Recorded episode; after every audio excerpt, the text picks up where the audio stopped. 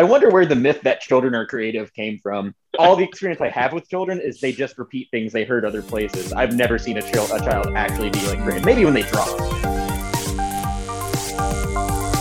Well, I'm not a crook.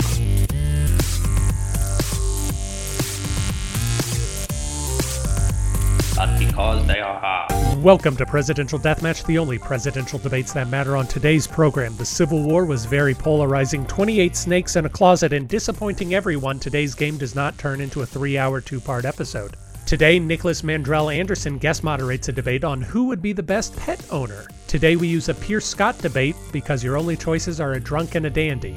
All of that and more on today's Presidential Deathmatch.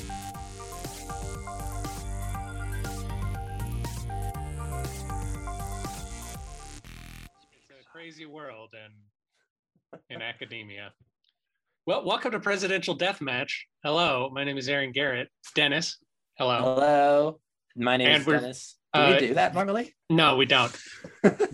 Uh, very exciting though, because uh, bec- because you may notice that the audio quality is a little bit different today, because because we're on location. It's gonna feel like a live show because the audio is much worse than usual. Slightly different tannins for the for the yeah, for the the, mini episode. of our listening. audio is uh, is very different for sure. Any PDM addicts out there will know. We'll be able to taste the notes of banana in their fine espresso this morning. well, don't prime them, Dennis. Don't don't prime them for which notes they should find. Allow them to discover the notes. Yeah. uh, on their own cognizance. Dennis, we've had uh, a little bit of a break, and I feel like I don't know who I am anymore. You could say that again. So how how did you spend your your summer vacation? Yeah, it was uh it was a little time away. Um, but I I pretty much I think focused on work. So exciting time. Booked a trip for next weekend. Uh, yeah, that's true. That's true. Well, Carolyn booked the trip. I did not, I didn't do. I shouldn't claim too much credit for anything that went into that. But Uh, well, that should be fun. yourself? Working, working, working, Working, uh, doing a lot of stuff. Yeah, we've got Pronoia has uh, Pronoia. Sorry, we we should get into show mode really quick. Okay, so Pronoia's got a lot of fun shows coming up that you can watch. Uh, and if you're uh, if you're listening to this live on the day it comes out, we're going to be doing a production meeting, Stephen and I, where we map out our spring season, spring 2021 season. Wow. So I'm looking forward to that. Uh, I've been, I wanted to save this for attractions, so I, I will potentially give a tease. But I've been working on the newest God Kings episode, which is very president adjacent. Indeed. And Adjacent. Had, might even be an overstatement. yeah, sorry, it's very PDM adjacent. Ah, yes. It, it is, it, it is president stuff. Uh, but I've been working on that the past week and a half or so, and that has been uh, an exciting, weird, different experience for sure. Uh, but before we talk about that, Dennis, let's go to the polls. So a few weeks ago, we we asked the question for March fourth, the most romantic day of the year. We asked Yes. which president had the best meet cute, and you may remember that when we last checked in, Rutherford and Lucy Hayes were were winning pretty handily. Not any longer, sir. Uh, Uh, Lyndon and Lady Bird Johnson shot ahead, what? uh, clearing. They have a. I think this is the close to the first time this has ever happened. Apart, obviously, from the unanimous decisions, Lyndon and Lady Bird Johnson have uh, their margin of victory is more than Rutherford and Lucy Hayes' total number of votes. Whoa. Yeah. Whoa. Whoa, indeed. And then, of course, we had a special two part episode over the amendments, and we're going to talk a little bit more about that in retractions in just a moment. But uh, nobody has voted on that particular debate. So it's anybody's. Surprise. Yeah. Wow. Uh, so, so that particular poll is completely open for anybody who wants to find it. That's what that's what happens when you start to get into actual modern political conversation. you know, I think I think it's good to talk about modern events every now and again. Uh, and I had at least one person write in to say that that he really enjoyed the conversation that we had. Nice. So that's good. Yeah, At least one could have been more. at least one. We'll never know. Any PDM heads out there, please let us know. So, Dennis, today we're going to have a debate over who is the best pet owner. Indeed. Potentially, we depending on who we have both chosen, but maybe we'll change it to best dog daddy. We don't know. That was your suggestion. But but who did you pick? Who are you bringing into this fight? Well, yeah. Um, I suppose I won't put up any argument if we go with generic pet owner because I'm going with uh, the hug himself, Hiram Ulysses Grant slash Ulysses right. S Grant slash uh, slash Stephen Ulysses Grant. Yeah, Hiram well. Ulysses Grant Simons or something. Uh, yeah, yeah. Well, just to cover him briefly, he was the uh, 18th president of the United States, a couple after Lincoln there, um, and kind of has a very polarizing presidency. Uh, he was very famous at the time because he uh, won the Civil War. He was the general of the Union. A very polarizing war, the Civil War. Indeed. Uh, and then as president, he um, he did two terms and uh, kind of there was a lot of scandals and such. But also looking back, he did have some really interesting policies um, with uh, some some good progress on abolishing the Ku Klux Klan for a time, some good progress with Native American uh, relations, but uh, he also just in some other places seemed to really fall short. And uh, yeah, there were there are a number of crises that turned up during that time as well.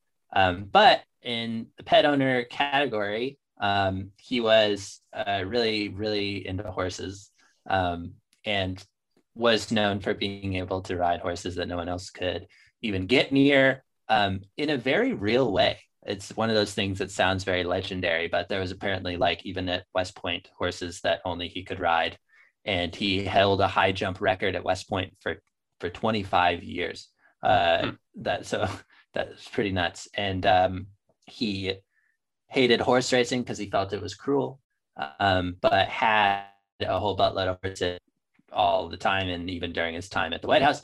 Also had a few dogs there um, and loved his dogs. And wait, one of one of the dogs that was his son Jesse's best friend um, was it Newfoundland. That when they moved into the White House, he told the White House staff that they would all be fired immediately if anything happened to the dog. So he, he uh, maybe preferred animals to people. And I think we may have found why he was polarizing to people. Yes. Maybe some of yes. the White House staff leaked that and he didn't. People said, well, that's a little extreme. Yes, maybe so. Uh, but yeah, I think, I guess I shouldn't get into it too much, but he was obviously like a pretty tough dude um, and was like tilling the fields from a very young age and all the rest and soldier through and through and a West Point guy. But he also had a very, uh, very pillowy interior, loved painting, um, and loved animals. And as we talked about in our meet cute episode, was was quite the romantic. So I think that kind of combination really shows up in his animalness as well, his animal treat treatment. Excellent. And I'd like to take this moment to remind all of our listeners today that uh, any robotization of Dennis's voice that you may have heard is all part of the experience. Remember, this is a live show. This is a live show energy that we have here. Uh, we might have a live in studio audience if Carolyn wanders through the shot at some point. It's all very exciting. It's all very exciting, and that's why you should let any sound quality issues just kind of wash off your back and go. oh, I thought you just meant like that. My voice just sounds like that sometimes. no, no, uh, that uh, that's already been well established. Dennis, you know, I think I've made a name for myself on this program for not taking the easy way out, for not choosing the the simple people, uh, for really trying to dig deeper with with the presidents that I choose to exhibit in any particular debate. Uh, that being said, when you've got the most famous presidential dog on your roster, I don't think you I don't think you keep it on the bench. So of course I, am going with Richard Nixon. Ah, he of the checkers speech fame. Uh, Richard Nixon was the 37th president of the United States. Previous to that, he was the vice president of the United States for eight years. Uh, he had a bit of a kerfluffle. We're not going to get into that today necessarily, but you know, let's just say Richard Nixon's uh, reputation is also mixed. Uh, he didn't have the Civil War, but he had his own thing. Richard Nixon was a Republican. He was succeeded by his vice president, Gerald Ford, upon his resignation. He was generally seen as uh, a liberal Republican back when we had those. He founded the EPA, among other things. Uh, what else to say about Richard Nixon? You know, he he died in 1994. He uh, I found this out kind of recently. He was the first president and thus far only president to establish his presidential library as a private institution. although it is no longer a private institution, now it has been returned to or has been given over to the uh, National Public Archives. And uh, certainly a, div- a divisive figure uh, and one that fascinates me all of the time. If you haven't done yourself a favor and watched the Adam McKay film Vice, please do so. There's a great scene with Amy Adams when she's crying over Richard Nixon's resignation. That's what's popped into my head right now. Uh, we're going to talk about his dogs when we get to the debate, but let's just say he's a dog lover. And, and in some ways, maybe he should have liked people as much too. Uh-huh. A common theme. Uh, Dennis, do you hear the pitter patter of little retraction feet coming? Little retraction feet falling from the sky onto tin roofs. I can't make a tin sound on my on my wooden desk. Uh, it is time to open up the retraction box, sir. And of course, since we did a two part episode, a lot of the retractions were covered in last week's episode, but I wanted to save one to do live Whoa. with you. And that is an apology to you. To me. To you. So, of course, our last debate was over uh, which president would have the best amended presidency. And you presented us a world in which Martin Van Buren's Democrat Party was modeled after Davy Crockett instead of Andrew Jackson. And I think I got a real stick up my butt about trying to figure out where in the timeline it happened or how this occurred or why it would have occurred. I, and I just don't think I was engaging with the with the spirit of the debate that you were trying to have. And so my questions were not as useful in exploring the topic as I think they otherwise could have been. So I, I just like wanted we had a pretty good alternative fiction on our hands though by the end there. We figured all the kinks out. I don't something. know that we did because I'm fairly certain that I was still very skeptical about the whole thing. but in any case, I wanted to offer that apology because I felt as though I, I, was not being a supportive partner in that moment uh, while we were discussing it. Oh no, no, we were we were uh, it was spirit of debate. Excellent. Do you have any retractions? I don't believe so. We yeah, we covered everything pretty well. I I, I retract my lack of knowledge about modern politics. Uh, although I guess I can't retract that, but no, because no, it is it is real. It would not I be wish, libelous. Yeah, I wish I could retract it. Say that I've now learned. I, I'm now enlightened. But alas, you know at least uh, a few things now. I suppose I, I know that climate change isn't a topic of conversation in the well, not legally. Yeah, you don't need yes. a congressional amendment. The, the main thing with the yeah congressional amendments is that right. they are yeah they're there for a different a different purpose. They're there to change this kind of organization of our country as opposed to just what the country is doing. So, Dennis, I've been working on God Kings 3, the third episode of God Kings, and that's in the lead up to the Civil War. So we're looking at Zachary Taylor through Buchanan mm. in this particular episode. Real and tasty I, period in presidential yeah. history. Oh, it really is. A lot of the greats. A lot of the great. A lot of the crowning achievements of of mankind. The people we remember. Number one, people need to stop saying Millard Fillmore is boring because the more I read about him, the more I'm fascinated by him. Milli Vanilli. And number two, I had the dumbest of all dumb realizations. I thought I would share it with you. And it's the sort of realization where you had all the facts, like you've always had all the facts, but you just kind of now understand what those facts mean. Yeah. You know, you know what I'm talking about? I know exactly what you mean.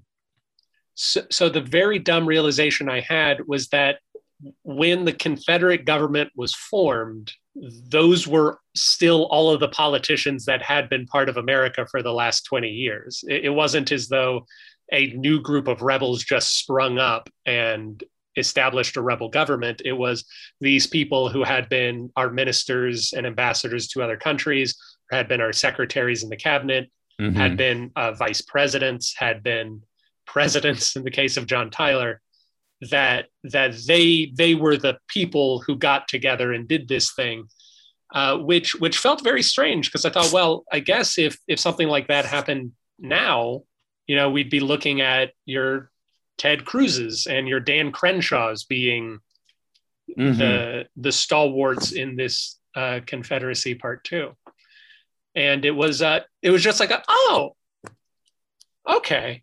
Yeah, very. Yeah, kind of like a.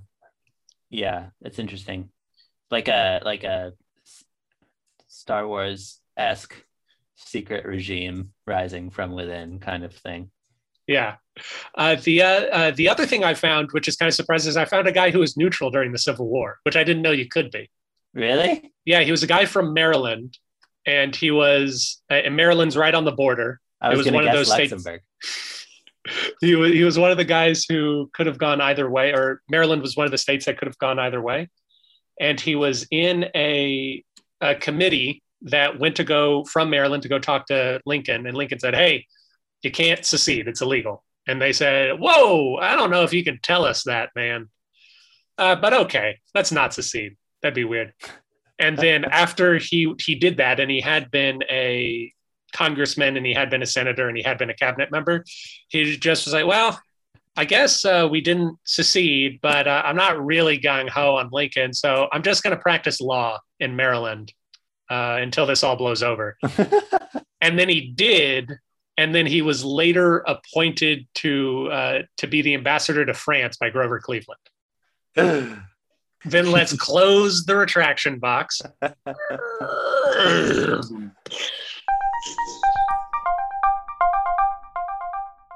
And we will say that we are now here with Nick Mandrell Anderson, who's going to be our guest moderator here today. And he's going to talk to us about dog training. Nick, how are you doing today?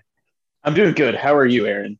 I'm doing great. Your energy is fantastic because you is, we've only been talking for a few minutes, but I feel like you said that you like to pace. I feel like you're pointing a lot at things while uh, while you're pacing around. You know. I haven't been, but I'm going to start. Please do. and just for the listeners at home, I'm also here, and my energy is medium. Flagging. Still Aaron and Dennis though. are flagging. We really need those guests to to start pumping us up. Nick, can you tell us a little bit about who you are and what you do? My name is Nicholas. I am currently a dog trainer at Unleashed Unlimited, and my opinions and the views do represent everything that company represents, even the politics. Um, I've been working with dogs in different capacities uh, since I was 19 at like doggy daycares as a dog dog uh, walker. Uh, I worked at Invisible Fence for a while. Uh, now I work at uh, as a dog trainer, which is what I've always wanted to do, and now I'm living the dream. Nice. Is invisible fence what it sounds like? One would guess that it is. Yeah, so you put a wire around a um, property, and that connects to a shock collar, and you put it on a dog, and then you train the dog to it, and then the dog stays in your yard. Right. And it's not at all related to the Barenaked Lady slash Kevin Hearn song "Invisible Fence." Is that correct? As Fun far fact, as I know. Kevin Hearn was my boss. Oh, really? Kevin Hearn, Yeah. the keyboardist for the Barenaked Ladies. Keyboardist, he told me he played drums. Oh no, that's Ty Stewart. Any BNL fan knows that uh, that Ty Stewart plays the drums in Barenaked. Actually, Kevin Hearn does play drums, just not in the Barenaked. Anyway, we're not here to talk Barenaked Ladies. That's for whenever we get Ed Robertson on. We're here to talk to Nick about training dogs. Uh, Nick, so you say that you've uh, you've always wanted to to do this. Uh, Mhm. Where where did that start? Like a really really young age, uh, five or six, or was it was it more when you started thinking about your future? And you said my future is in dogs. Well, I never really thought about my future until I became an adult, unfortunately. Um, but know that. as a small, ah, it's so hard to care about your life. Um, as a small child, I was raised in a house, my mom's house, which at one point had two dogs, four cats, a bearded dragon, a turtle, a parakeet, a cockatoo, Oh my gosh. um, 28 snakes also in a closet that No kept way. hidden from us. Yep. Oh, secret snakes. Oh yeah, they're uh, animal hoarding is what a lot of people would call it in the mental health profession. Oh, you're right. There is a word for it. So I uh, That's the Lived- Indiana Jones level uh, snake closet. Oh my god, it was so bad. I, I they were all tiny snakes. It was terrible. My aunt had a problem, and we were all living in like one big family clan house, and it was just a disgusting mess. Probably why I don't have any pets right now because I love them, but I'm so I love living in a clean apartment so much. It's heaven, and I've never had that my entire life. That's good. It's good. Good to know what you like. You like dogs and you like a clean apartment. Yeah. I, now I get to have both. Yeah. Our dog uh, definitely does not help us keep a clean apartment. So that's a reasonable distinction you're making there. I have many times ridden in your car, Dennis, and it is Yes. full of dog. It Even is- when the dog is not there, the car is full of dog. it's Nick, crazy. how does one uh, get hired to be a dog trainer? Uh, where di- is there an apprenticeship program or a trade school of some kind? How how do you begin to build the skills so that someone says, "Come with me, son. I will teach you the ways." Well, dog training is a completely unregulated. Oh, sorry, Dennis. Go ahead. I was gonna say, are you called a Padawan? But it was anyway. I am called a Padawan. Um, uh, dog training as an industry, um, a dogawan. A dog training as an industry is completely unregulated at, by the government or any like industry. So there is no industry standard for like anything that I know of. Though there are private organizations that can give you certifications that are according to the organization uh, valid. But it's all kind of just a crapshoot. Um, you you can you can just get into dog training if you just say you're a dog trainer. It's it's kind of ridiculous. I got into dog training because I got hired at a dog training facility like a normal job and I've had experience with dogs, more specifically at Invisible Fence, which is an e-collar place, electric collar, shock collar, bunch of different words for it. And the place I work at is also an e-collar training facility, and that's a very controversial subject because a lot of people think e-collars are cruel. Um, I've been using e-collars in various forms uh, for, I guess, only the two years at Invisible Fence, and then also I've been a dog trainer here. And I could, I could go on so many spiels defending them. Uh, it's, it's a very controversial topic, but e-collars are great. They kind of turn your dog into a cyborg because you like plug it onto their neck and you can control them with it. And um, in defense of e-collars, they can be set to any different setting. So just like any sort of tool, you can misuse it and abuse your dog with it. But you can do that with a Mhm. leash by jerking them too hard. You Mhm. set the setting on the e-collar to what the dog needs and no more, and you're not abusing them. You're just getting their attention. Mm-hmm. Also, dogs like are- a like a leash. Right. Yeah, exactly. You're just using it to, you know, you can use it to be negative, and sometimes you need to if you have dogs who are violent or reactive or you know resource guarding or things where you or you know you need to stop your dog from chewing on a live wire. You do need to make it be unpleasant to protect your dog and other people, but that's not what you do e- every time you use it. You're usually just using it to give them a light tap to get to tell them, hey, pay attention. Mm-hmm. Yeah. Yeah, it's I I feel like for my dog in particular, just because of her te- her tendencies, like she doesn't really. It's very hard to cause her like pain that she would really Mhm. seem to really be like bummed about because I think she's just used to like getting bitten by other dogs to play, you know. And that whereas like I think I've never rolled up a magazine and like specked her with a you know with like a rolled up newspaper. I think she would legitimately take like a day to recover from like like the the visible like fear in her eyes if I were to like lift a newspaper next to her. Uh-huh. I can't even imagine. It's so fun. Dogs, they're all different. They all have their own level of Yeah. correction or stimulation that they need. And that's part of being a good dog trainer is recognizing what does this dog need? Every single dog needs something different. Some dogs are super high energy and have no attention span, and they need to have a higher level on their collar or whatever you're doing to get their attention. Uh, just simply because they're super high energy and they're going to ignore it. And then some dogs are super sensitive. You know, it's you've got to gauge it by each dog and you know just treat them well. Do do breeds have personalities as many would often kind of like say that they do? Or do you think it's really just like each dog is a different dog, like high energy golden, low energy border collie? It could be anywhere. Oh man, we're, we're getting into the good stuff, the real controversial aspects of dog training. Um, That's what we're here for in Presidential Deathmatch. We like to find the controversy In dog training specifically. in dog training specifically. Yes. um, yeah, breeds pretty much have like a dog. Each individual dog is going to have their different personality, but really, I, I find so many commonalities between breeds that it's we. I mean, we made them like that. We genetically engineered them through like a bunch Yeah. of weird Victorian people in the early 1900s, and we did give them slightly um, breed specific personalities. Maybe not slightly, like pretty good. Like huskies are super hard to train. I don't know. I could go into Oh, it about each breed. They're they're all they all have similarities with each other or commonalities. That's interesting. I wouldn't I never knew that about huskies. Yeah, they're in my experience, what I've trained them to do has always been difficult, uh, especially on invisible fence, because huskies they're working dogs. Um, to be honest, I actually haven't trained a husky as a to do obedience, which is what I'm doing now. I've only trained them on invisible fences. Mm. They're they're very hard to keep contained because they weren't bred to be contained. They were bred to be running around and out and you know kind of. When I was at invisible fence, it was like the closer a dog was in looks to a wolf, as as dumb of a thing to go off of as that is, the harder they were to contain Yeah. because a lot of those dogs just don't great pyrenees huskies those dogs aren't they don't want to be contained that's not what Yeah. they're meant to do Yeah. Yeah. I guess Huskies literally meant to go from one town to the next, dragging things. so Mhm. this is the opposite of contained. Nick, you're training in obedience now. What are the tools, either physical or social or psychological, that one uses to to train dogs for obedience? Hmm. the basics of dog training it's um it's positive or negative. I mean it's very simple when you get down to it. It's when a dog does something it's not you don't want the dog to do. You don't reward it or you do something negative.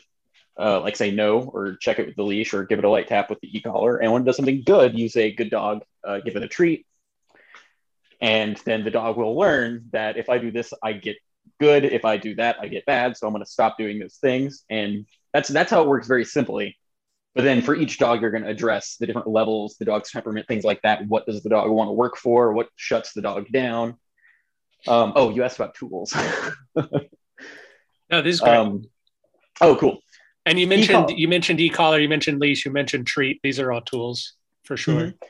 treat um, uh, choke collars are great uh, prong collars. A lot of people oh this is a, a good thing i can talk about. Um, harnesses? Oh my god harnesses are the worst thing ever invented for dogs. Throw those in the trash. What are those for?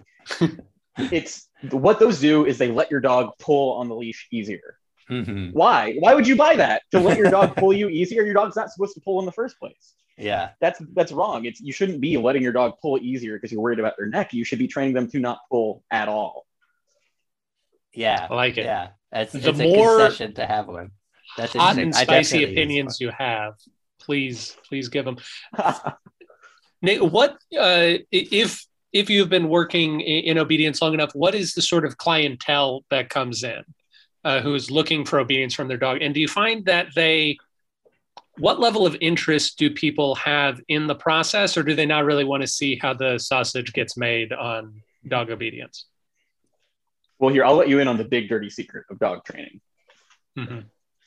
i can train a dog. You can hand me any dog and i can train it to perfectly be obedient with me. That's easy. To be honest dog training is easy. Dogs are okay dogs are actually pretty dumb but dogs are pretty smart in that if i take a dog that is trained extremely well to me very intelligent is doing everything perfectly and then hand them off to their owner and that dog knows their owner is going to give in to everything and not hold them accountable for any of their tasks the dog Uh-huh. will uh, forget everything it learned and it would be a waste of money you have to train the owner otherwise it's pointless Nice. Yeah. So, People what do you do to train the to owner? Train. um, sorry what was that dennis I was just saying people are probably harder to train. They are. They they can be a problem. You know, it's all about the owner's attitude, how involved they want to be. For the the place I work now, they do a really good system where no matter what we're doing, there there are a different programs you can do. Like you can you can just sign your dog up for um, lessons once a week, where you'll show up with your dog once a week for I believe it's five weeks. Um, separated like one a week. No, it's not once a week. Oh my god. I got to get this right. I got to get all the billing right for my job. it's five training sessions spread out. Each training session has two weeks in between it. You show up, we go through, we train the person, and we walk them through everything with their dog. We give them homework. They go home, they train their dog, then they come back for another lesson and we progress them like that. Or the next step up from that is another five week lesson. It's all like five sessions of training generally uh, with the owner. Mhm. The next step up from that is they drop their dog off for doggy daycare slash training between each training session twice. So we train the dog partially, the owner trains the dog partially, and then we train the owner and the dog at the same time on the lessons.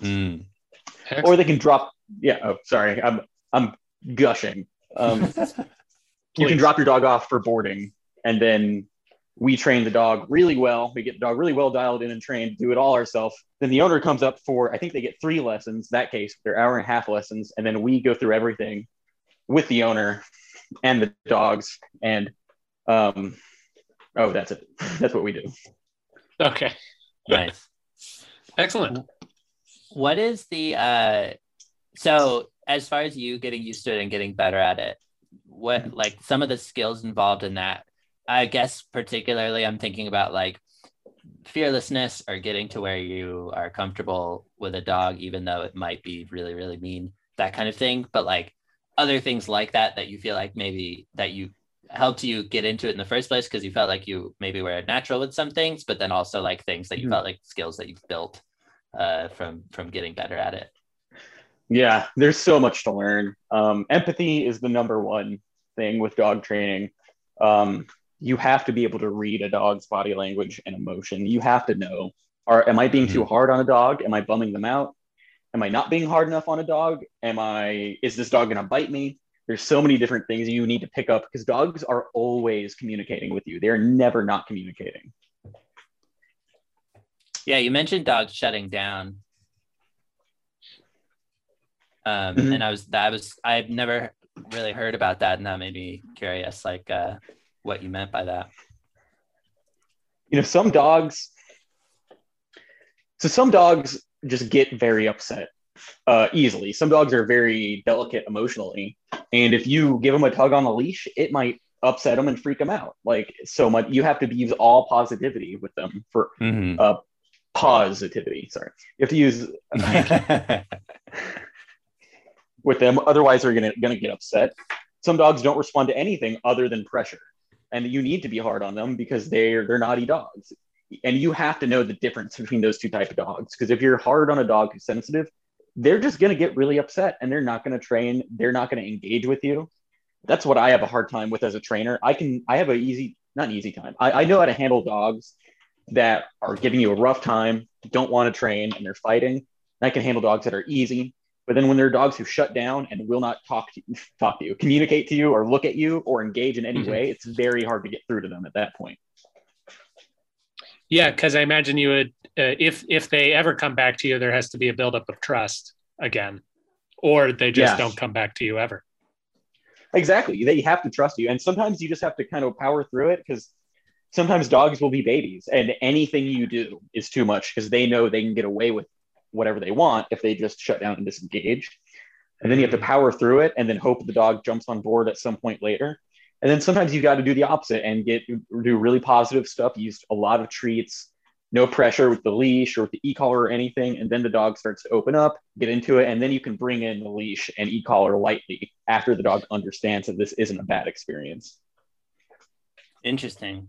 Sorry, I, I was gone for a second. I had to go tell Bluebell that she's not allowed to be on her harness anymore. oh. Well, we're we're changing lives here on on today's podcast. Nick, I feel like we're just scratching the surface. But uh, but before we turn it over to Dennis for our game today, I want to ask you: Are there any overrated dogs? Oh, Either uh, yeah, French bulldogs. I hate French bulldogs. They're the worst dogs ever made by people. they're they're really stupid and selfish and mean. Um, they love people. They love their people. They love attention from people. Every doggy daycare. I used to work at a doggy daycare in Central Austin that had a huge amount of French bulldogs.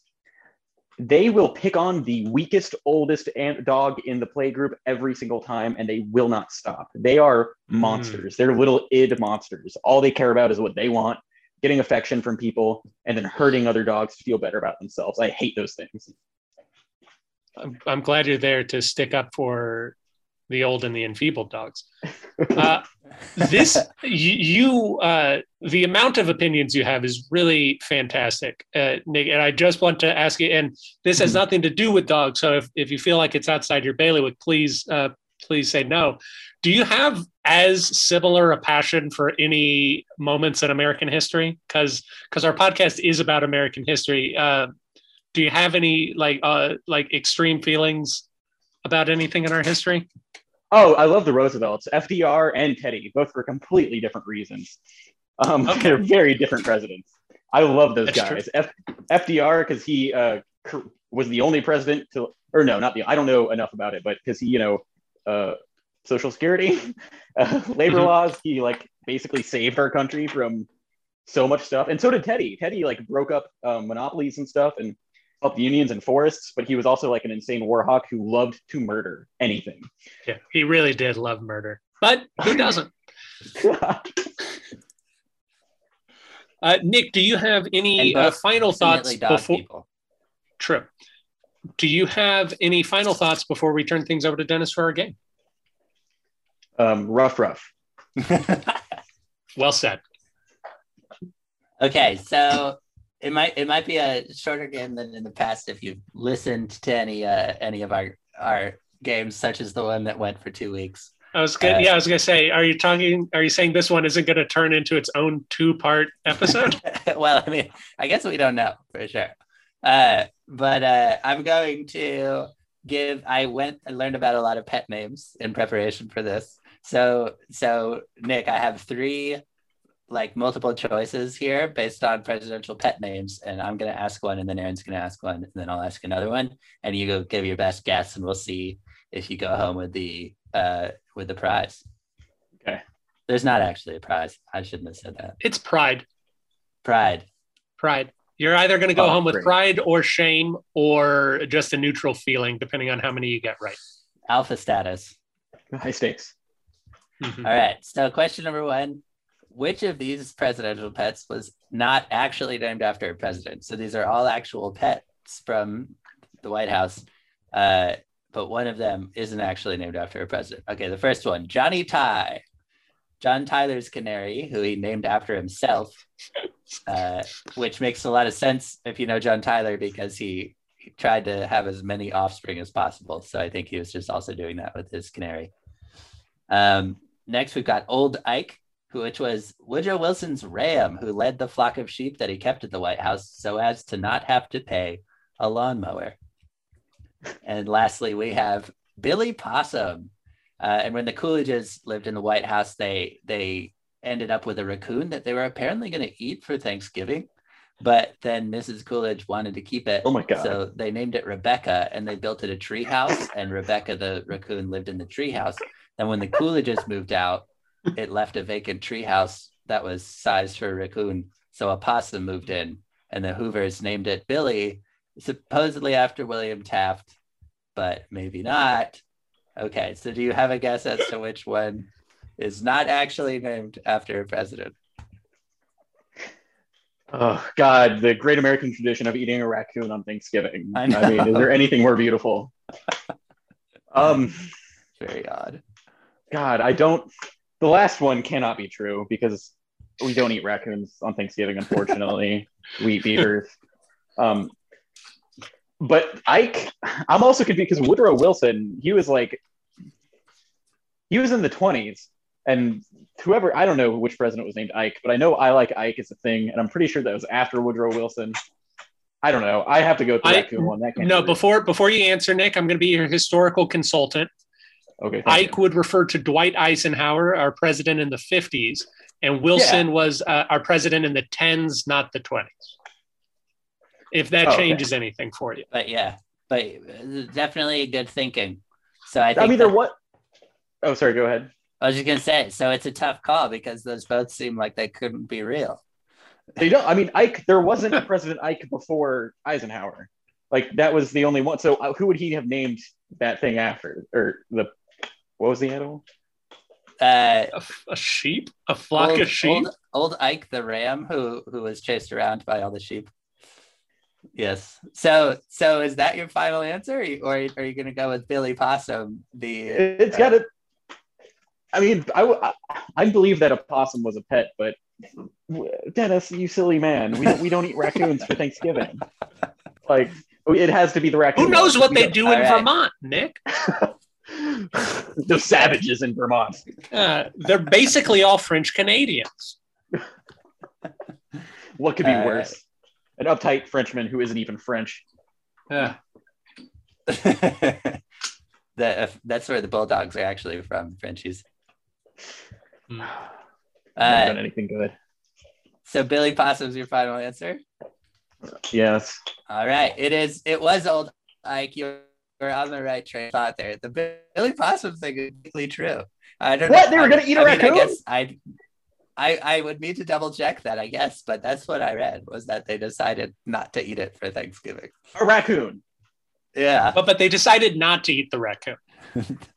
starting So we a got a- standing tradition of not eating raccoons on Thanksgiving. Yeah. America hasn't isn't keeping up with a lot of its founding values, but not eating a raccoon at Thanksgiving is one that we came really close to just throwing away. But we didn't throw it away, thanks to the leadership of Calvin Coolidge. So it's a, it's an American tradition started by Cal- Calvin Coolidge to debate eating a raccoon on Thanksgiving. Exactly. yeah, yeah. All right, You Uh, Nick, which of these presidents did not actually have two pet- pets named Pete during the presidency? I'm going to give you a hint. This is a trick question. You're going to have to find where the trick is, though. All right. So the Coolidges return with their Pete's and Pete's, the wire-haired fox terrier Peter Pan, which was the first White House dog, and Peter Piper the canary, who was the third of four canaries. So he's very much not special in that regard. Or are our Pete and Pete the Coolidge's immediate pres- predecessor, Warren G. Harding, who also had a canary named Petey, as well as a squirrel named Pete, and weird taste in pets, but his middle name was Gamaliel, so I think that uh, you know he he wasn't dealt a winning hand. Finally, is it Burn, Pete and Pete? Your friend Teddy Roosevelt had a pity mix who had to be sent away to Long Island after ripping a French diplomat's pants off and maybe nearly causing an international crisis. The same was not true for the highly respected Peter Rabbit, who they had a full fledged funeral for upon his demise. He was a rabbit. Hmm. There's got to be a trick here somewhere. There is. You've, There. you've you've hinted, but this for me to understand this trick requires me to have an intimate knowledge of United States presidents, and I have a very wide but shallow knowledge of U.S. history. I really like it, but I cannot remember names and dates, which is a big hindrance when it comes to knowing true. history. Um, Uh, well, your your gut feeling here uh, are is Pete more of uh, is Pete a canary name? I think we've got two people here who claim to have named their canaries Pete. Do we think that that is reasonable? Oh, I should Or is- clarify too that Aaron doesn't actually know the answer. Also true. I do not know the answer. I'm reading off of copy that I've been given. all right, Aaron, we're in this together, brother. We are, and I really want to Um, know where the trick is. All right, what, who were the first two presidents again? Oh, hold on. I see where the trick is, you piece of trash, Dennis. Maybe. I might see where the trick is. Okay. So the Calvin Coolidge's first Pete was a Peter Pan, which was the first White House dog, a wire haired fox terrier, the and a canary named Peter Piper. the first. White House dog of the Coolidges. They had like Of a the buttload Coolidges. of dogs. I see. Or Warren Harding, who also had a canary named Petey and a squirrel named Pete. Or Teddy Roosevelt, a man who had a, a dog who may have attacked a French diplomat. And Peter Rabbit, the well respected uh, rabbit who lied in state somewhere following his demise. Hmm. So Teddy Roosevelt had a pet rabbit. Was it alive? Because I don't see him having a living pet rabbit. He would shoot it. It the it does say that they had a funeral for it upon his demise, which would imply that he was alive at one point while in uh, while in possession. Okay, that has to be a trick. Uh, Teddy Roosevelt would never have a funeral for an animal. He murdered animals like it was going out of fashion, which it was not at that. Which. I uh, Dennis, before you reveal uh, the answer, which again I do not know, is is the trick that all of these stories are true, but some of the animals weren't held during their presidency? no, Ah, the the trick is that I said two, meaning exactly two. okay. Uh, please sense. elaborate. Do you guys want to throw your guesses in? Your final guess? Well, he's guessing Teddy Roosevelt. Uh, with that new information, I'm going to guess the Coolidges because they seem to be recurring a lot in our conversation. Teddy Roosevelt is correct. Those are Yeah. both Well done. those are both uh re- really pets from from his time in the White House. But he also had another dog named Pete. So, so he had three. We had three animals named Pete. These presidents are pretty hacky with their pet names. I know. They, They they gotta appeal to Wyoming, man. uh, he also Dr. also had uh, a, a lizard named Bill the lizard, and a hyena named Bill the hyena. Oh, what a loser! He couldn't think of a cool name for a hyena.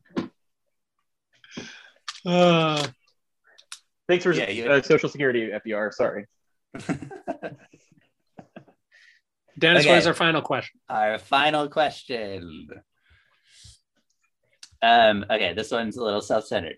Much to my surprise, but also not all that surprising, two names from my apartment came up while learning about presidential pets. Which of these is the one that I made up? Okay, so Cooper. That's that's my fiance's last name.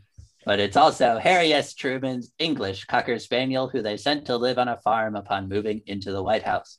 Truman had to clarify multiple times that he literally meant that the dog was sent to a farm and that it was still very much alive. Bluebell. Before you continue, Dennis, because you had asked about my pets' names in the lead up, and the way my wife and I usually describe what we do to our cat who is no longer with us is that we sent him to the farm, which is also a real place that we sent him to. We we did not kill that animal. So I feel Truman's pain. Was it a cat meat farm? No, no, it is my my parents' farms, where I, I assure you they do not make cat meat. Sure. Sure. Whatever. okay, so number two, Bluebell, which is what my dog's name is. Uh, but there's also the uh, one of the Kennedys' parakeets, along with Marybell the parakeet. One can only assume that Bluebell was the blue one, and that Marybell was probably also blue. So they just named it something else.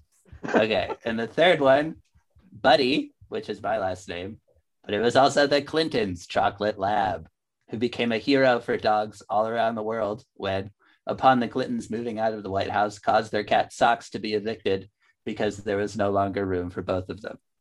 Oh, They, they, they didn't have room in the White House for a dog and a cat. They did have room in the White House, but once they left the White House, they felt that Oh. they no longer had room in their new house for both a dog and a cat. So they sent the cat with like someone that they just knew from when he was president. Oh my god, that makes me. Huh. I had 28 snakes in my house, and they couldn't have a cat and a dog. Yeah, the they- depravity of the Clintons. they just needed God. to train the dog, I think. So send it to uh, Invisible Fence. Yeah, we'll we'll teach that dog right. Um, Okay, so to recap, the the dogs are or the animals are Harry S. Truman's English Cocker Spaniel Cooper, uh, the Kennedy's parakeet Bluebell, or the Clintons' chocolate lab Buddy. One of these is not real. Hmm. Why did Buddy I've- become a hero to dogs? because because he forced the cat from the house to get evicted. Is that a joke? Yes. All right. Well, the That's cat really did get kicked out, but I uh yeah, I took some creative license in saying that he was he's a hero for dogs everywhere. I want to go with the bird. I'm completely ignorant. I really don't know the answer to any of these. I'm very bad at this quiz, but there's too many birds. Well, What- we're what all bad at all the games birds? that we play. I, Yes. uh, Dennis, before you reveal the answer, I'm also going to say it's the birds because my wife and I looked up where bluebells grow, and they don't grow anywhere near Massachusetts. yeah, so why would you name your parakeet Bluebell? Yeah. in Boston. Uh, so that's two for the bird. I agree, too many birds. But actually, Cooper is the one I made up. ah, Harriet, Well- Strum- Harriet Truman did give given a puppy named Feller at one point, but uh, they gave it away promptly because they were not pet people. Hmm, that makes sense. They don't seem like pet people. Nick, with your successful answer of one out of three questions, you get to leave here today with a neutral attitude towards yourself. All right. I mean, I'd settle for feeling bad about myself. I just want to feel something. This neutral business, what's that even about? I don't want to live in this weird purgatory. Make me feel bad about it's what you got. Listen, uh, you're going to be taxed on the feeling whether you use it or not. So I recommend that you use it. And welcome back. there was no break. We uh, always lie to you about the length of the break. They're usually about seven seconds long. Uh, but we have it there in case we ever have a sponsor. Because if we have a sponsor, that's where we're going to end up putting the ad. Uh, but we are going to have a debate over which president is the best pet owner. Dennis has chosen Ulysses S. Grant. I have chosen Richard Nixon. And uh, Dennis, when you're ready. Right.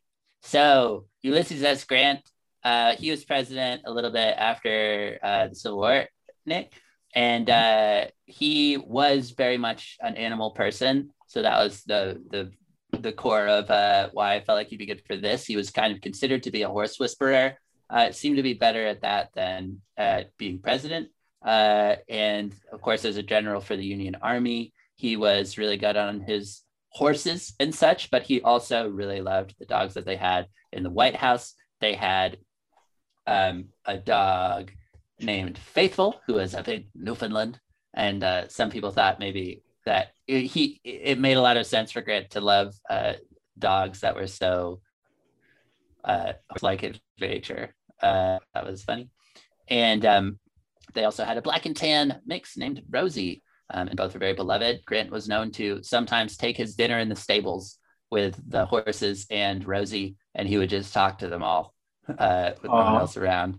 Uh, I think he felt very empathetic uh, to them. And uh, Faithful was the Newfoundland that his son, uh, Jesse, really loved. And when they moved into the White House, he told the White House staff that he would uh, relieve them all of their duties if anything were to happen to Faithful. Um, but with his horses, he he hated horse racing because he felt like it was mean. Uh, he loved horses themselves and was riding horses from a ridiculously young age. Uh, and when his dad realized that Grant had an affinity for horses, he was like, "Great, you could do anything that involves a horse ever." Uh, in and started working him on the farms and everything when he was like 11. Uh, and so then by the time he was at West Point, he uh, was known to be able to ride horses that no one else could even get near and he uh, set the high jump record uh, that actually stood for 25 years at West Point before it was broken on a horse, which is on a horse specifically, not just not just a human high jump. I didn't know he, this guy was so cool.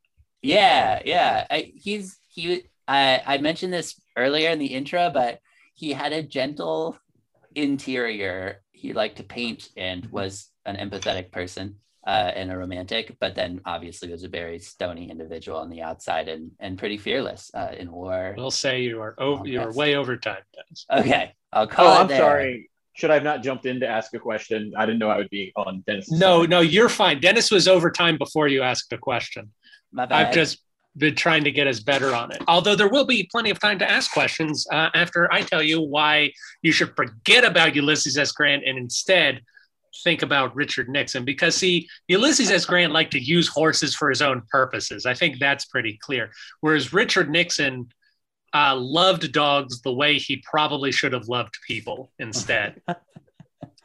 Uh, Richard Nixon's opinion of dogs, of course, became well known to the country at large during the famous fund speech that Richard Nixon did during vice president, where he was accused of misappropriating funds. And he took great pains to show America that no, he, he was using money appropriately, but that he was going to give uh, any donations that he got back, except for his dog Checkers, which was given to him by some crazy Texan who put a dog in a crate and sent it on a train to Washington, D.C., because Richard Oh Nixon said his daughters wanted a dog. But that's not Richard Nixon's fault, the fact that a, a dog was shipped in a crate from Texas. During his Damn. time, the Checkers did not make it to the White House. He was the Nixon's dog during the vice presidency. But during the presidency, Nixon had three dogs uh, King Timahoe, an Irish setter, Vicky, a poodle, and Pasha, a Yorkie, and the only Yorkie to ever reside in the White House, which I think shows Richard Nixon's commitment to diversity, a wide, wide range of breeds there. Uh, What he's of known for. course, Indeed. Uh, Richard Nixon, uh, a lovely soul. I think we can all agree. Um, the stories that come out from Richard Nixon regarding the dogs show his playful side and, and, his, and his fun side and even his contemplative side. And if you want me to dive into those in the questions, I'd be happy to. But just know that reporters seem to really enjoy catching Nixon with his dogs and then writing about what him and his dog was doing at any particular moment in time. Uh, before I end, it is perhaps possible that uh, that a dog is the reason why Nixon didn't drag the United States through Watergate even more because in his last photograph taken before his resignation, the night before his resignation, he is seen hanging out on an ottoman with Vicky the poodle. Now, did Vicky give him sage advice that says that it was time for him to move on? We'll never know. And that's why Richard Nixon is the best pet owner. Wow. Great arguments, you guys. I, I, I must say. Um, I, I do have questions. They may not be super dog related. Um, That's fine. about Ulysses S. Grant, when was he elected? Uh, 1869, I think, is like the first year, but Uh-huh. yeah. I'm assuming this is like during Reconstruction when the South couldn't vote yet, because there's no way they would have voted for him, right? I'm just curious about this. Yes. Well, right. I think that's a. I think that's true. Yeah, that there's a lot of like uh, the South that wasn't really getting stuff counted. The so uh, by the time that Grant was running for election, many of the southern states had not had their voting rights restored. However, it is Mhm. notable to point out that Grant began, or Lincoln, if you prefer, began uh, about 50 to 60 years of Republican domination in the presidency, which and that continued long after Mhm. uh, voting rights had been restored. So it's not entirely clear as to whether Grant would have been elected or not without it. Hmm. Cool. Yeah, certainly. Yeah, he was very popular, like with the union parts of the country. Um, but yeah, I'm sure that he had enemies as well. Uh, one kind of funny thing that I saw was that his main horse that he rode during the Civil War uh, was named Jeff Davis, which Oh like, God. Je- well, yeah, which like, so I was like, did he do that like as a goof or something? the more I looked into it, the more I was like, it's a coincidence. It like I think it was just a coincidence because he but he just got it from a plant the Davis plantation and the horse's name was Jeff. I was like, that was just so shocked that that could be the, the case, and, and I couldn't find anyone goofing about it or anything. But I don't know. I, am a huge fan of normal names for pets. I think it's hilarious. but it seems A like proper- there's a. Go ahead. Well, I was just saying with a proper first and last name too, Jeff Yeah, Davis. Yeah, I love it. It's hilarious. I think there's a dog at work named Kevin, and it's I love that guy. His name's Kevin. It's so funny. Um, but it seems like that you, from from this this entire podcast so far, there are so many animals with normal names. It seems like we didn't start calling dogs names like uh, what are some stereotypical dog names? I should know this as a dog trainer. Uh, Fido, Buddy, Fun fact. Mandible.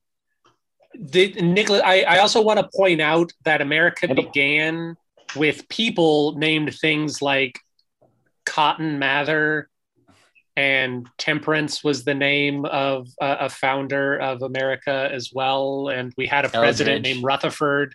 So America's naming conventions are all messed up. I know it's so there's so many I, I, more animals with people names than like stereotypical pet names. This podcast, it's crazy. I want to know when that happened it Yeah. seems like I mean Jeff Davis, like he we know him. He he was a Confederate president, right? Yeah. Like that's how that's why that name's famous. So why would he name a horse Jeff Davis unless he's just like I think hey he looks like Jeff to me, and you know what? Why not give him a last name that isn't mine? I don't understand that at all. yeah, like it- it's almost like, oh, that's unfortunate that the Confederate president was named Jefferson Davis and my horse is named Jeff Davis. Oh well, life is funny. uh, but funny, just because Fido came up, and I don't want to get too far away from it. I did learn that the reason that Fido became uh, such a common dog name is because it was Lincoln's dog's name, Hmm. Oh, which I thought was interesting. Interesting. So Lincoln, that's the answer. Lincoln is when we started giving Yeah, animals strange names. That's why he's our greatest president. Indeed. Indeed. That's the main thing. He also had a cat named Tabby Cat. So he also started that trend of not naming your cats. So a hero God. uh, twofold. What a brilliant foresight that man had. I've seen several dogs at, in my uh, experience working with dogs named like puppy or like big dog or like and cats too, and it makes me so mad. I'm like, oh my god, you let your five year old name your dog, and your Five year olds are dumb. They don't know You how to be piece of creative. trash. Exactly. I say this to their children. Yeah, you're like uh, you've seen Unbreakable, the M Night Shyamalan film, where Samuel L. Jackson runs a comic book shop, and then uh, a mom mentions she's buying a comic for her child, and he yells at her, and then he takes the comic away. That's you with dogs. Completely. I I, I really uh, try to channel Samuel L. Jackson when I'm dog training. Carolyn's sister, when she when Carolyn was going to be born, Carolyn's sister was like two and a half, and they said they said Christine, like, what do you want to you know name? What do you want your sister's name to be? Maybe we'll take it into consideration. And Christine said, Christine. yeah, that's your name. And she's like, okay, Linda. And Carolyn's mom was like, no, no, that's that's my name. Those are the two you can't use. I wonder where the myth that children are creative came from. Not that I have a lot of experience with children, but all the experience I have with children is they just repeat things they heard other places. I've never seen a, chil- a child actually be like creative. Mm. Maybe when they draw, but they just repeat things constantly all day long. It's because Lincoln had a very creative child. Started Yeah. a- started it again. a Tad. Lincoln. Dennis, I think that may have been the first callback we've ever landed. That was a good one. Well done. Whoa. of the many attempted, the Yeah. only. So so on to Nixon. And he Yeah. really reminds me of humanity's ability to compartmentalize evil. Um, which is it's really astounding. Like I've worked uh, with so many like super, like so many really uh, jerks. I'm trying to be PG. Uh, like in my industry, working with dogs, like these people who love their dogs so much and are like will do spend so much money on their dogs and then treat human beings like trash. That reminds me a lot of Nixon, like just loving his dogs and then you know watergating. Um, yeah. and all the other bad stuff Nixon did that I, I definitely know about because I know a lot about history and I'm very smart. Um, and that's, I mean, that's part and parcel with pet ownership is the duality of I have a dog who I love, and also I eat cows, and a dog is basically a cow. And and I eat meat, and I, I I I do. I love meat, but also like a cow and a dog, it's the same thing. I mean, it's pretty messed up that I eat cheeseburgers and like cuddle and kiss on dogs and stuff. I could be doing that with cows, but I don't. It's it really is like the duality of evil. It's evil that I do that, but I do that. Okay, It's I, I will take your word for it. I, if we had more time, I might try to argue uh, argue you off of that position that dogs Ooh. and cows are the same. But uh, but Cows not can't right now. fetch? Let's Because cows, have two Cows- stomachs, cows. Well, they have four stomachs. Four stomachs. Dogs, just Uh, dogs have uh, the Bottomless pit. infinite stomach. Oh, Yes. that makes sense. All right, I don't feel bad about eating cows anymore. Yeah, exactly. It's four stomachs. That's always what They're it is basically aliens. Oh my god. Uh, Nixon, did you have a question more. about Nixon? Ugh. Yeah. God, so he was a jerk, and he liked dogs. Uh-huh. I mean, I got. I'm really sorry. It's hard to not tip my hat towards Ulysses, uh, genuinely towards Ulysses S. Grant, because like I, I feel like I have to say him because he was nice to animals and he like fought to end one of the greatest crimes against humanity ever committed on the planet Earth. Um, well, he did his job. You know, we- It's hard- I think that's. I, I, think I, that's I the will say, I will say, Nick, you may not know this fact. Uh, I don't want to rock your world, but Ulysses S. Grant was the last president to have owned slaves. man, that's messed up. But It, it is indeed. Uh, I, I do believe that uh, that he didn't own slaves for, for very long, but it, uh, but he did. Man, that Well, is uh, like one of the biggest sins a human being can. I think it might be the biggest sin a human being can have on this earth is owning another human being. But Mm. that's probably not true. I don't know if you guys want to get Uh, into that and vegetarianism. No, I, I would I would likely agree with you. Um, maybe sacrificing another human being could could be worse, depending Yeah, like on murder, I guess. Yeah, I'm saying uh, even more than murder, just the, taking someone's life for some, like trading someone's life for something, I think is worse than straight up murder. But, Mhm. but, uh, but we probably, you know, this is pretty far off of talking about pets and presidents, though. So, It depends on if the person has four stomachs. yeah, that's Yeah. true. If the person has four stomachs, they're basically an alien slash a cow. Yeah, and it's okay. Like if we if we meet cows, I mean not cows, aliens, like they're a different species than us, so we can eat them, right? Like yeah. that's the only rule. As far as, far as I know. Yeah. Ooh, I Not can't if wait they to eat have them first, officially. though. Hey, if they land on this planet, I've got dominion over the beasts of the ground and the beasts of the air. It looks like those aliens are on the ground to me.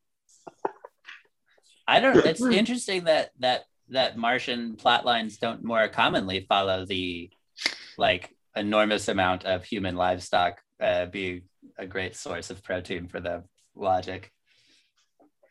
Hmm. I uh, I think we've got but you know we can bring back Andrew to talk about which president is the tastiest, as we did in the past. Nick, that was a past episode, uh, and you know humans just don't marble very well. I think was one of the things we came to. Yes. Well, we got to veal humans. We got to like tie them up when they're babies and not let them walk, and then just feed them Mhm. a bunch of cornmeal so they get really Mhm. fat and unhealthy, and then eat. It's it's here. I would like to remind everyone that Nick said that all of his views do directly represent his company. Yep. every single one of them. Every single I have review. So blanche. un, unleashed, unlimited, uh, Mhm. believes in creating veal humans. That's right, man. Maybe I shouldn't have given the real given the real name to my. but you know, I don't know. That's pretty funny. I don't think anyone's going to take that seriously. You know Um, what? I don't either. And uh, a s- a, court ruling just upheld that sometimes people say jokes. So, Whoa. so that's good. That's awesome. I got to go with It- Ulysses S. Grant. I got to I mean, I'm sorry, but he was Okay. nice. To, he, he ate dinner. He took his horse out to dinner, man. Reagan never Yeah. took a dog out to dinner. I mean, Uh, you, cool. you have already put in your vote, but this, I will say Okay. this to all the people listening out there. Was Ulysses S. Grant so kind to Confederate horses? And did those Confederate horses have any choice over where they were or what they were doing? I don't know. I'm not a horse trainer. These are just questions I think about. Also, Richard Nixon's dog ate a piece of cake on live television and everyone laughed. So that seems pretty funny to me. And then they found out that the cake had uh, uh, kale in it, and, and the dog got very sick. No, I don't. sorry. All right, Uh, Dennis. Dennis, stop mudslinging. All right, this is not this sort of program. But I Uh, so- put. I was going to say just that to Nick and to our listeners, there is a third possible candidate that might steal a vote away. That we Oh, that's true. I should figure that out. I completely forgot. Uh, hold Do tell. on. So we uh, we didn't tell you about our parties. Of course, Dennis is the head of the Old Hat Party. Maya, the head of the Beer and Lemonade Party. Also, Dennis, you don't permanently get Ulysses S. Grant. He's on the People's Party. What are you doing? He's on the People's Party. He's on the People's Party. Oh no, Oh no. Okay. when did parties come into this? Oh my god. Hoover's on my party, I think. And then who's in the people? So should I do a Hoover argument? Yeah, do a Hoover argument. Hoover. Dennis has been arguing for the People's Party this entire time. Are you serious? My bad. I forgot that I got him uh, in a trade for one episode. Hoover uh, had the most dogs of any president, 15. Can I provide more? Yeah, Carolyn. this? Also, he was a civil engineer, like me, which means he was moderately antisocial and would like dogs a lot more than he would like humans. Probably means he spent a lot of time training them because I feel very similarly. He was probably very militant and academic about his training. Probably pretty like OCD, a little bit anal retentive, kind of annoying to hang out with. Just kidding. Why am I in He this also- episode? He got he got these uh, he got these pet these dogs Mhm. from an Irishman who like raised Irish setters. So they were like all these like pedigree Irish setters, and he was he he it, they weren't pop. I think there there weren't a lot of them at the time in America, so it was like very like he was into that kind of thing. I think that was really like the height of of the dog stuff. Like Coolidge and Hoover both had buttloads of dogs, and it was like early 1900s, like you were saying, where like people really talked about the different breeds and stuff quite a bit. But uh, Yeah. it, it was crazy because the dogs had like these funky names, like uh, like in Celtic or whatever, or, or Irish. Um, yeah. Oh, that's cool. You know, I, it's always great when like dogs know about their heritage and ethnicity. When dogs really connect with their roots, yeah, That's right. How do you feel about it helps them be part of an in group more, which is what we need more of in our dogs is classism. yeah. Mhm. Nick has It- it cast his us. vote for Ulysses S. Grant, but you can cast your own vote for either of the two People's Party candidates you want, or the uh, or the Beer and Lemonade Party candidate. at the link found in the description below. Nick and Carolyn, thank you for joining us today. Carolyn wanted to wanted to see if she heard Nick's opinions on French bulldogs and wanted to know if he had any opinions about Australian cattle dogs. Hmm, I do. The only dog. No, I've been bit by a French bulldog. That's another reason I hate them. But um, also, Fair. I, I was bit by an Australian. I said, uh, fair. If if something hurts you, you should dislike everything else that looks like it. Uh, that is what I always say. Oh. That's how I live my life, and my life Yeah. is completely empty at this point. Um, Australian shepherds, I I like them. They're nice. I don't know. They're they have a lot of drive. They really need to do stuff, and they can go insane. Any smart dog can go insane. Like poodles go insane. German shepherds go insane. Uh, they need something to do, but they are they are very loyal. They really love their masters a lot. That oh, that was another thing about Grant's uh, Grant's dog Faithful was apparently people always remarked that they were really good at making sure that he had tasks to do around the house. Yeah, that's very important for for working breeds. They really got to have something to do. I, I had an Australian Shepherd when I was a kid, but I think she was a lab mix, so she looked like a fat Australian Shepherd, which was so cute. That sounds adorable. Well, we are going to have to end this episode. Nick, is there anything that you would like to point people towards uh, for any reason? Oh man, um, not that I've done. If anyone out there uh, likes metal, l- please listen to Barn Burner and Atomic Bitchwax. No one listens to those bands. Listens to those bands, and they're so good. That's it. Uh, All right, could you say them again? Barn burner, and Atomic Bitchwax. They're really great. if you like a riff, bitch. yeah. Sorry, I wanted to keep it PG thirteen, but it is the No, name no, of the band. it's good. It's the title. I, I know. I'm repeating it for clarity. So barn burner. Uh, If someone wanted to listen to either Barn Burner or Atomic Bitchwax, is there a particular song that is a good, good entry point for them? Ooh, yeah. Uh, let, me, let me look it up. Um, uh, I should know. I am very bad at memorizing specifics. Oh, that's Um, for Barn Burner, I would go with um, Fast Women. It's a good song. Lyrics are kind of douchey though, but that's kind of the way of metal. Uh, sorry, I said douchey. Uh, it's so hard. Um, douchey's fine. And- douchey's a fine word to say on the podcast. yeah, if douchey wasn't fine, I mean, where would we be? douchey is a fine word. Uh, and then Warclaw by the Atomic Bitchwax. So Excellent. barn, barn burner, presumably uh, Martin Van Buren uh, and would have inspired that, and he was a barnburner. Let's, let's not go down another path right now. We need to sign off. Okay. Uh, Nick Mandrell Anderson, thank you so much for joining us to talk about Barn Burner, Atomic Bitchwax, as well as training dogs and the Roosevelts. Uh, we hope to see you again soon. Uh, Carolyn, always a pleasure to have you on. And Dennis, uh, until next week, sir. Cheerio! Thanks so much, Nick. It was super fun. Deuces. Thank you for listening to Presidential Deathmatch. Presidential Deathmatch is a production of Pronoia Theater. You can find more out about us at pronoiatheater.com. This program was edited by Aaron Garrett with music by Dennis Buddy and hosted by those same two lovable goofballs. You can always email us at contact at pronoiatheater.com. If you enjoyed the program, we ask that you rate and review wherever it is you found us. It really helps us out. And if you didn't like the program, why don't you stick around? We really grow on you. I was tempted that this episode, uh, because of Andrew Jackson's pet parrot, Polly, who Yeah. was uh, who uh, was apparently so expletive well trained that they had to remove it from Andrew Jackson's funeral. Because We maybe we should save that sort of tidbit for the for once we're like recording